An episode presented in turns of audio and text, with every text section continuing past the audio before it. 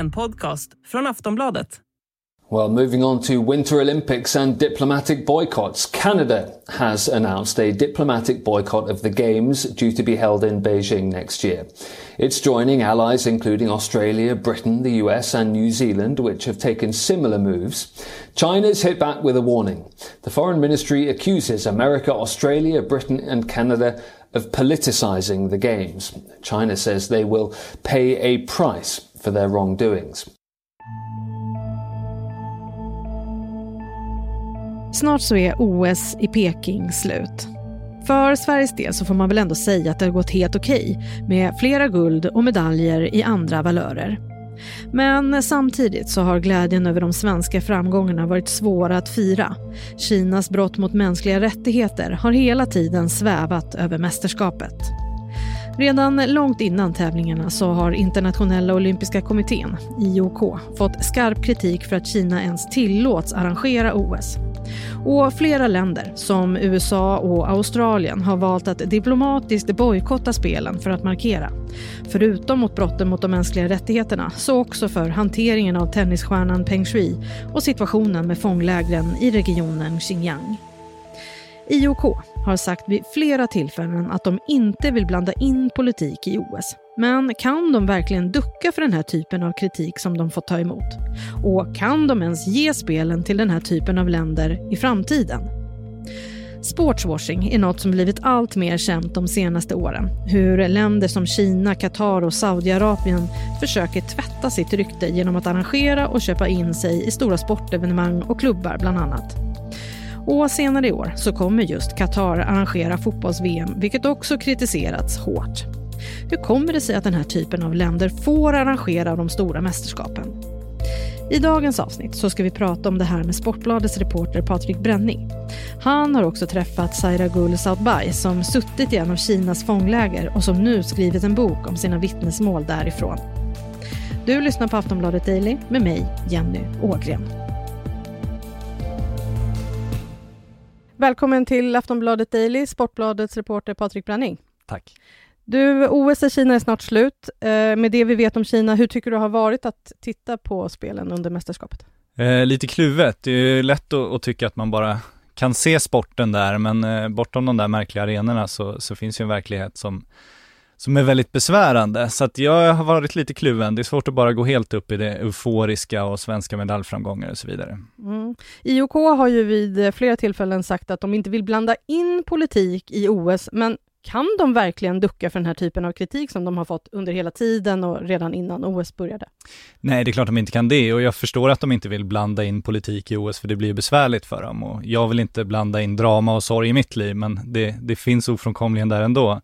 Så att det är någon slags önsketänkande, men de är, ju, de är ju ett politiskt verktyg och det får de bara finna sig i och då är det ju ansvarsfulla att faktiskt analysera hur man själv ska hantera det och hur man i så fall ska bli ett så milt politiskt verktyg som möjligt istället för nu när de bara blundar för att de är ett politiskt verktyg och istället har blivit ett, ett jättekraftfullt slagträ för eh, diktaturer och, och liksom människomördande eh, nationer.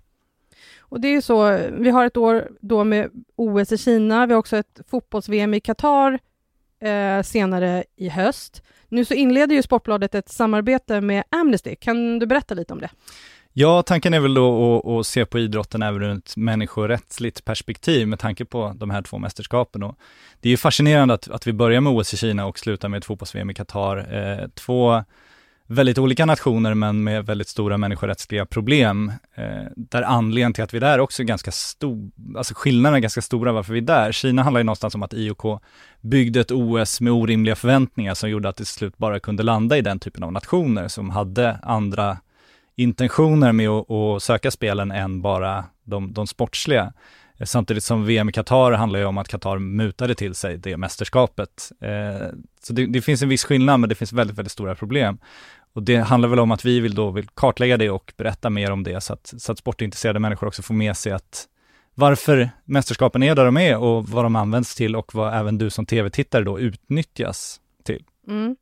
För, för, trots att de flesta vet om hur Kina och även Qatar begår brott mot mänskliga rättigheter så får de ju ändå arrangera den här typen av betydelsefulla turneringar. Hur kommer det sig? Om vi, om vi börjar med fotbolls-VM i Qatar så handlar det om att Fifa var en genomkorrupt organisation. Eh, de gav fotbolls-VM till Qatar för att det gynnade dem som valde vart, vart VM skulle handla, hamna. Det är liksom den hela anledningen till det. Eh, nu har vi sett en viss förbättring förhoppningsvis eh, i, i de fotbollsförbunden, men även om man inte på något sätt tror att de är helt genomrena ännu. Eh, OS handlar ju som sagt om att IOK skapade sådana spel som inte gick att arrangera för, för vanliga demokratiska nationer. Det var helt oförsvarbart. De har däremot agerat och, och, och, gjort mer hållbara spel som de kallar det själva och nu ser vi också att det kommer andra typer av arrangörer framöver. Vi har Paris, vi har Los Angeles, så det, det blir skillnad nu trots allt. Ordet sportswashing är ju någonting som har börjat förekomma ganska mycket i media och liksom börjat få folk att faktiskt fatta vad det handlar om. Kan du berätta lite mer om, om vad det är för någonting? Jag tycker nästan Qatar är, kanske det lättaste exemplet att ta. Eh, innan Qatar började intressera sig för idrott så, så kan man fråga sig hur många som kände till att de, de överhuvudtaget existerade, att eh, någon hade, knappt någon som hade kännedom om att det var en nation. Eh, nu har de köpt ett fotbollslag i Paris, de ska arrangera ett VM, alla vet nu vilka Qatar är. Och skulle det då bli så att de här spänningarna som funnits mellan Qatar och grannländerna faktiskt skulle leda till väpnade konflikter i den regionen, så blir det ju mycket, mycket svårare för världen att blunda för det som man gjort i, i Afghanistan och Irak, när man liksom inte har någon relation till den typen av länder. Nu har de byggt ett varumärke, de har fått dit turister, folk har en relation till landet, det finns folk som är fotbollsintresserade som någonstans har en god bild av Qatar för att de har hjälpt deras fotbollsklubb och så vidare. Och det gör ju att, att de har byggt även ett, ett, ett slags försvar av allt det här och också gör att människor har har överseende med de övertramp de gör gällande till exempel mänskliga rättigheter och på ett helt annat sätt. Vi ser ju också att fotbollssupportrar är ute och försvarar liksom diktatorer till olika länder för att de då äger deras fotbollslag. Men det är inte så illa det som händer i Saudiarabien, titta där och det är inte så farligt i Qatar, jag tittar på Kina och liksom, det är ju helt sensationellt och eh, det visar ju kraften i, i sportwashing. Sportbladet kommer under året jobba tillsammans med Amnesty för att kunna skildra den smutsiga sportbranschen. I Kina så har förföljelsen av bland annat uigurer i regionen Xinjiang pågått i flera år. Man tror att så många som över en miljon sitter i fångläger där tortyr är vardag. Patrik Bränning har träffat Sairagul Sautbay som suttit fängslad i ett av dessa läger men som nu, efter en flykt från Kina, bor i Sverige.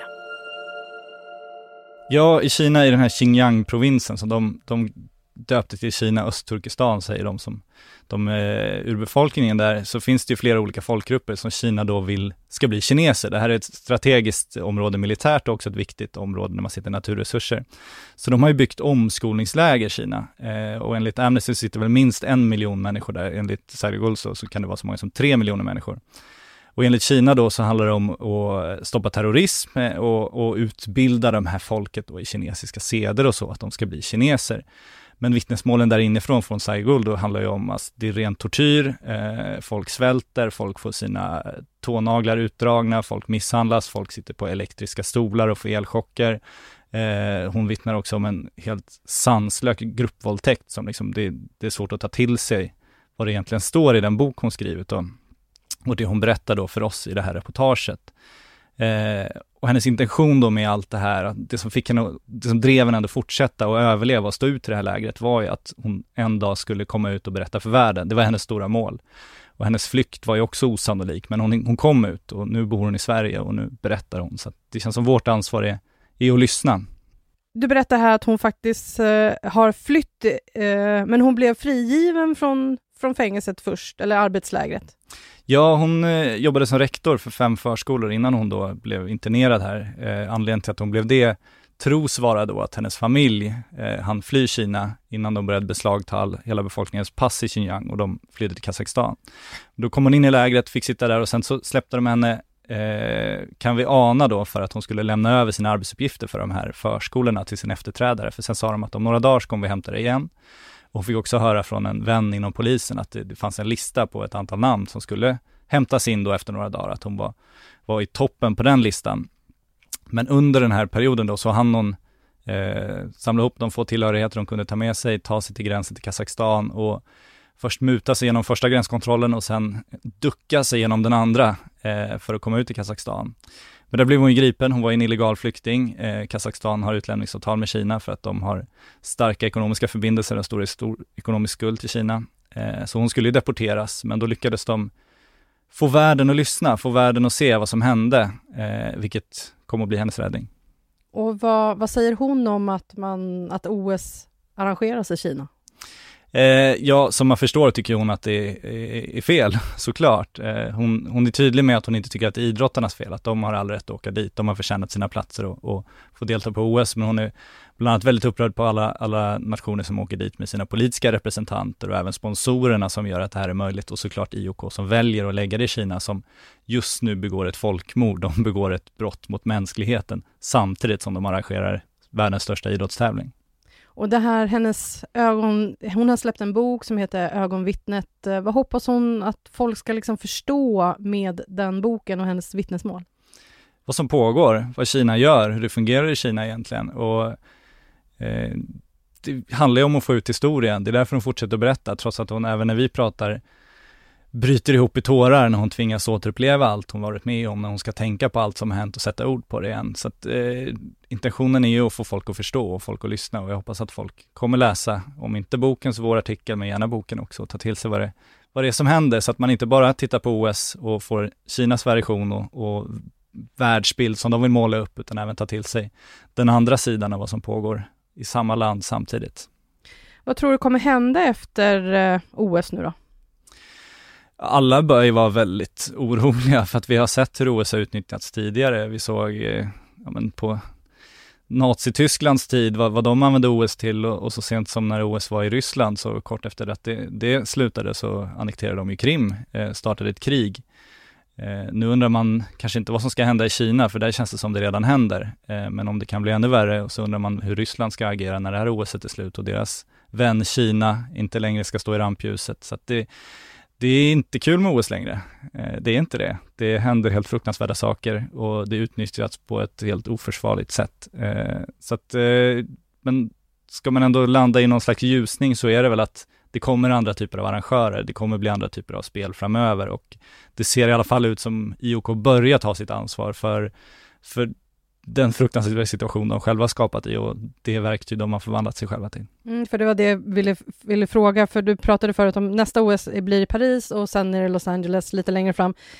Tror du att IOK kommer kunna lägga mästerskap i den här typen av länder igen? Jag hoppas inte det. Eh, och det finns egentligen ingen anledning för dem att göra det, eh, om de inte ska sko sig själva. Men det, det, det, är inte samma korrupta organisation som Fifa är. Det är en skillnad här. Det är en skillnad varför det hamnar i Kina jämfört med varför fotbolls-VM hamnar i Qatar. Så jag tror och hoppas att det här var, var sista diktaturmästerskapet när det gäller OS. Samtidigt så vet vi att vi är sällsynt usla på, och, eller otroligt usla på att lära oss av historien. Vi återupprepar våra misstag om och om igen. Så att man kanske inte ska vara för positiv ändå. Patrik, hur fortsätter nu då Sportbladet att jobba med allt det här? Det kommer fler artiklar under året. Eh, vi kommer belysa fler fall. Det finns gott om sportwashing inom idrotten idag. Det finns fotbollsklubbar. Vi har ett Newcastle United England som precis har blivit uppköpt av en annan eh, diktatur. Så det finns gott om exempel att göra. Vi har en Formel 1-cirkus som sitter i knät på, på, på helt fruktansvärda nationer. Så att, eh, det finns nästan för mycket att göra. Tack för idag Patrik. Tack. Sist här hörde vi Patrik Bränning, reporter på Sportbladet. Jag heter Jenny Ågren och du har lyssnat på Aftonbladet Daily. Du kan läsa hela Patriks intervju med Saira Gulsatbay och flera artiklar kring det här på sportbladet.se. Vi hörs snart igen. Hej då! Du har lyssnat på en podcast från Aftonbladet. Ansvarig utgivare är Lena K Samuelsson. I det nya avsnittet av Aftonbladet-podden Malin blir en bättre människa med mig, Malin Wolin berättar Isabelle McAllister hur man älskar sitt hem och sin planet på samma gång. Jag tror att du kan måla om köket 36 gånger om du målar om luckorna för samma klimatpåverkan som om du skulle köpa ett nytt. Isabells avsnitt och andra hittar du där poddar finns. Lyssna och bli en lite bättre människa. Hej, jag Ryan Reynolds. Recently, I asked Mint Mobiles legal team if big wireless companies are allowed to raise prices due to inflation. They said yes. And then when I asked if raising prices technically violates those onerous two-year contracts, they said, what the f*** are you talking about, you insane Hollywood ass?" So to recap, we're cutting the price of Mint Unlimited from $30 a month to just $15 a month. Give it a try at mintmobile.com slash switch. $45 upfront for three months plus taxes and fees. Promo for new customers for limited time. Unlimited more than 40 gigabytes per month. Slows. Full terms at mintmobile.com.